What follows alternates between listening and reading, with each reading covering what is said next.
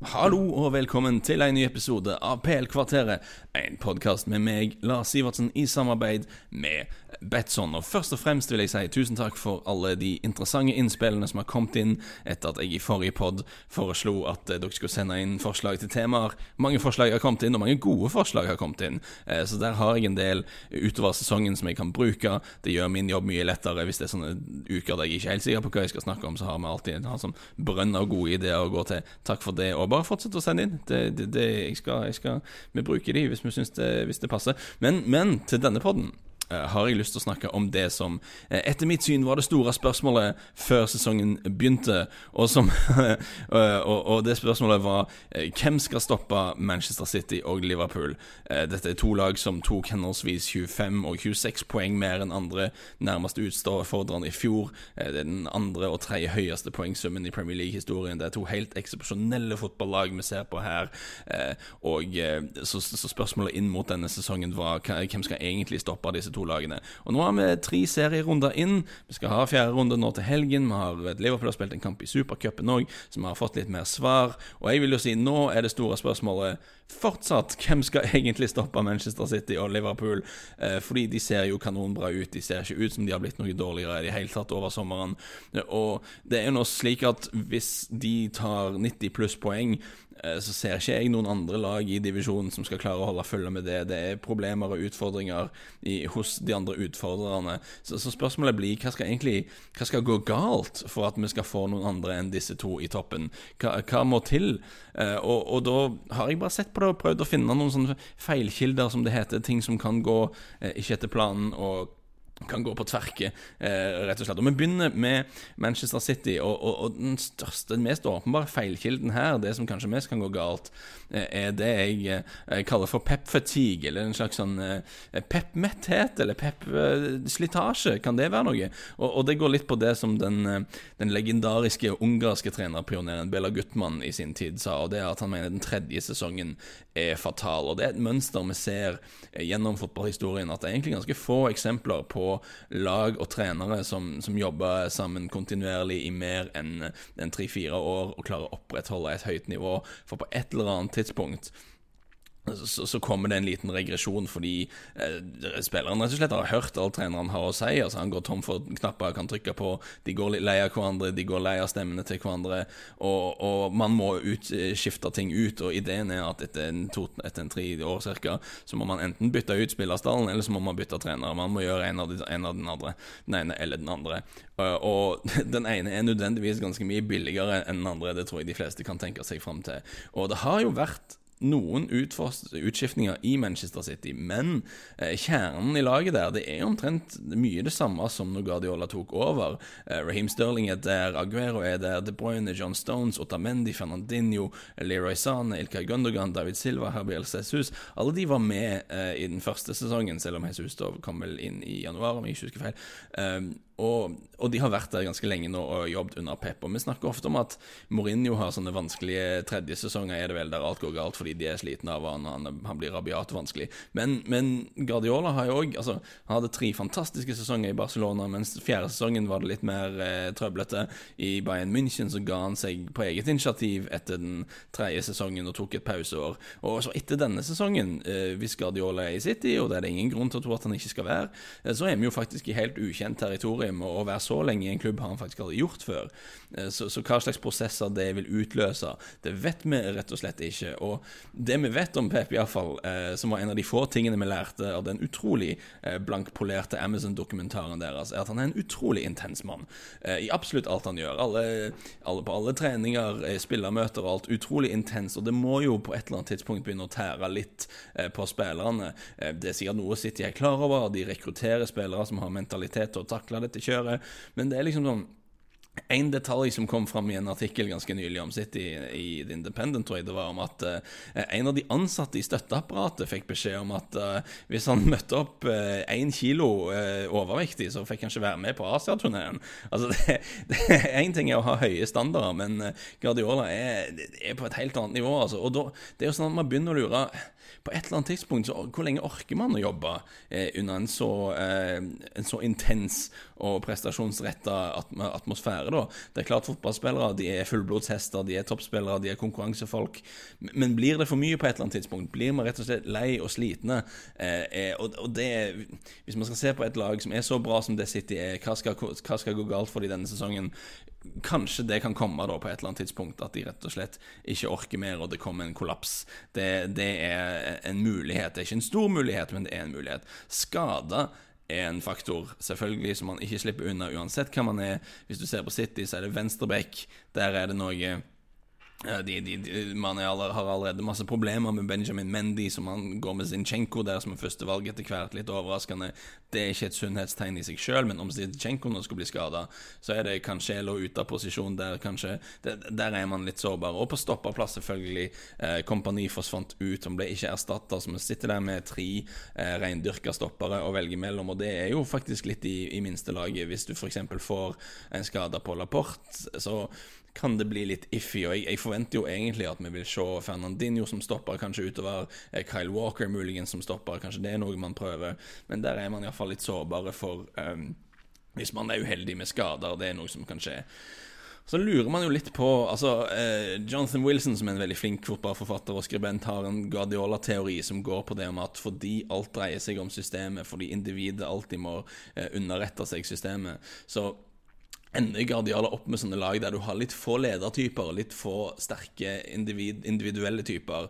Eh, det som Zlatan klagde på, at alle Barcelona-spillerne var skolegutter. Altså Du mangler folk som liksom ruller og bretter opp ermene og tar ansvar og gjør ting på egen hånd. Eh, og det, det hadde man i Company. Eh, litt Han var en sånn type som gikk litt foran og, og, og var en leder ute på banen, kanskje i enda større grad enn det Guardiola egentlig liker at spillere er.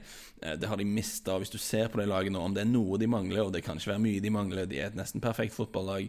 Så mangler de kanskje individuelle ledertyper, sånn som det. er. Det kan kanskje bli et problem. Jeg har vanskelig for å se for meg at de skal kaste bort en haug med poeng pga. det, men eh, hvis de får motgang, da, kan, og Guardiola er stressa og høye skuldre, og, og, ting går litt gale, så kan det kanskje være et minus. Jeg vet ikke, Det er litt sånn falming etter halmstrå nå. Vi skal se på vi skal se på Liverpool.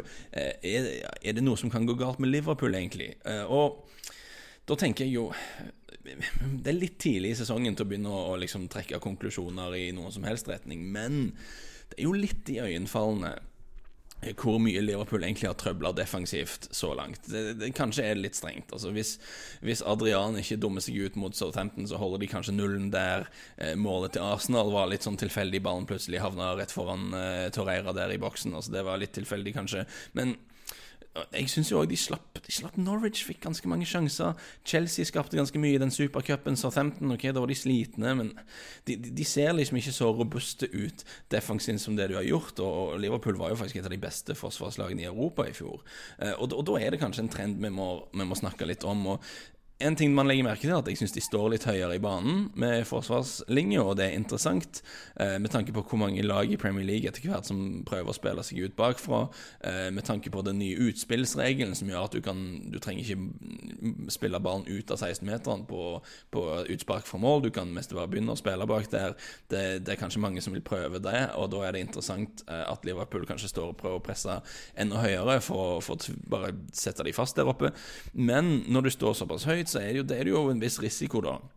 Og det er kanskje noe som kan utnyttes, at de blir tatt litt sånn i bakrommet der. Eh, Van Dijk nevnte jo etter Det var vel etter supercupkampen mot Chelsea nevnte Van Dijk at han syntes avstanden i laget ikke var helt riktig. Og det, det, er sånne ting det kanskje kan ta litt tid å perfeksjonere.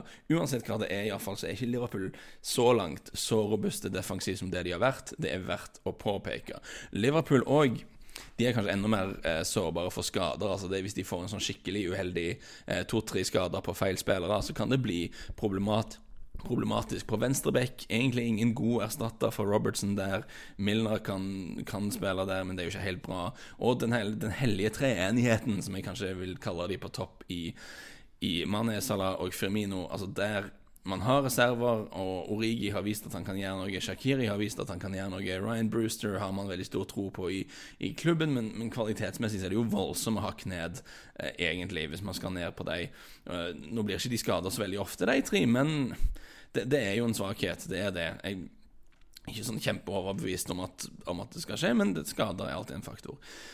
En ting jeg har sett litt på, er at Altså, Tallene fra i fjor Liverpool endte jo bare ett poeng bak eh, City. Men hvis du ser på litt sånn skuddstatistikker og expected goals og sånn, så var de egentlig eh, flere hakk bak. Eh, og, og, og vurdere hvor mye du egentlig tror på sånne ting. Jeg, jeg vet det finnes mye skepsis til expected goals, men, men ifølge nettstedet Understat, iallfall av deres modell, så burde Liverpool ha skåret et sted mellom 9 og 10 mål færre enn det de gjorde, egentlig, ut ifra sjansene de skapte, og de burde endt opp med et sted mellom 13 og 14 poeng mindre totalt. Og det er ganske stor forskjell. Det er ganske dramatisk. og Kanskje har det noe å si, kanskje ikke. Det er lov å være effektiv. Kanskje kan de være effektive i år, men det tyder jo på at eh, Liverpool sannsynligvis må spille litt bedre i år enn det de gjorde i fjor for å nå opp på samme poengsum. Om de gjør det, det er jeg ikke helt sikker på.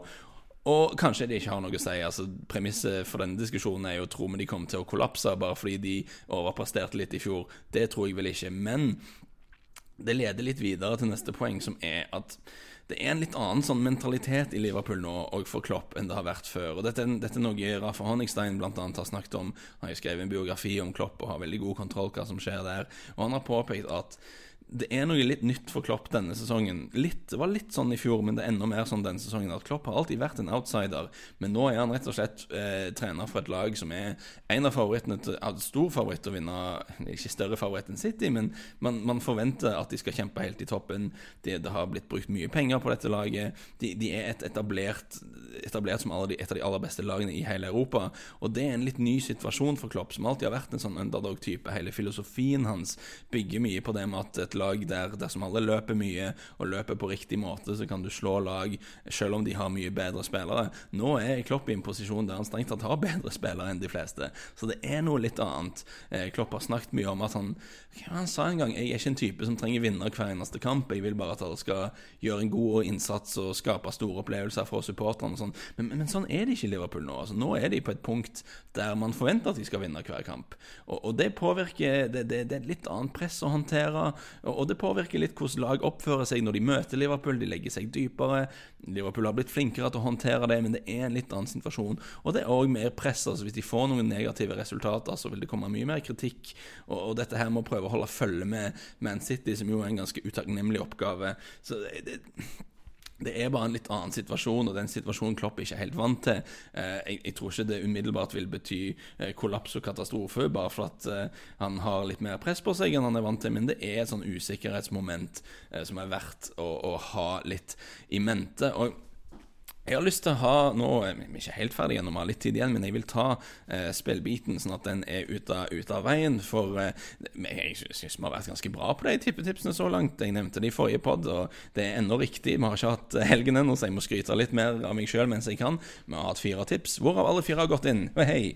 Nå Eh, siden jeg skryter av det nå, så skal jeg love å liksom ikke gjemme meg når vi, når vi bommer, for vi kommer jo til å bomme på ting. Det er en lang sesong. Men, eh, men 4-4 så langt er jo utrolig kjekt. Og eh, vi skal fortsette. Vi har allerede sagt, eh, som jeg sa på forrige pod, at vi skal være på eh, begge lag skåre og over 2,5 mål i eh, Westham mot Norwich, for der tror jeg det skal bli mål i alle retninger. Og jeg har vel, etter å ha vært litt i tenkeboksen, så har jeg kommet fram til at vi skal ta et spill i Arsenal-Tottenham. og det er mest jeg har så vanskelig for å se for meg at Tottenham skal dra, dra til Emirates og vinne nå, altså med tanke på all den usikkerheten du har med Du har viktige spillere som eh, faktisk kan forsvinne nå før overgangsvinduet stenger. Det er ikke veldig sannsynlig, men det kan skje. Eh, du har iallfall spillere som er på utgående kontrakt. Pochettino klager litt på at eh, det er en mest unsettled, mer unsettled dag enn han har hatt noen gang. Alt dette snakket jeg om mye i forrige podkast, jeg skal ikke gå over det igjen nå. men jeg, jeg, tror det skal bli bra. Det går greit til slutt til Tottenham. Jeg tror ikke de rykker ut av topp fire, eller noe sånt, men akkurat nå ligger ikke ting sånn superbra an. Og når man da skal dra til The Emirates Ok, du kan få en sånn reaksjon der alle tar seg sammen og tenker at nå har vi fått så mye kritikk at nå må vi vise et eller annet. Det kan være. Men jeg syns Arsenal ser eh, det er såpass skummel motstander. Jeg, tror, jeg har vanskelig for å tro at de skal dra der og vinne. Så jeg, jeg, vil ta et spill der så vil det være Arsenal med uavgjort intetspill, spill, altså draw no bet, eh, til 1,76. Jeg tror det er helt greit. 1,76 på at Arsenal vinner pengene tilbake om det blir uavgjort. Eh, bare tap hvis Tottenham skulle gå hen og vinne på Emirates. jeg, jeg syns det er helt OK verdi, bare for at dette er ikke et bra eh, Tottenham er ikke in a good moment, som treneren kanskje ville sagt. Eh, mens Arsenal har Det er spennende, det de holder på med, syns jeg. De, de, fikk jo litt bank på Anfield, men de gjorde egentlig ganske mye riktig i den kampen, egentlig, og var litt uheldige. De er sylskarpe framover med Aubameyang og Lacassette man starter. Kanskje det eneste som er vanskelig når vi analyserer Arsenal, at vi vet jo ikke helt Da, da, da var vi tom for tid, iallfall. Ja, OK. Jeg hadde jo ikke tenkt at Shit. Ok, Da var det ting jeg ikke helt uh, fikk tid til. Det var litt kjipt. Må bli litt bedre til å time dette her. Uansett, dette har vært en episode av PL-kvarteret med meg, Lars Sivertsen. Vi høres igjen snart.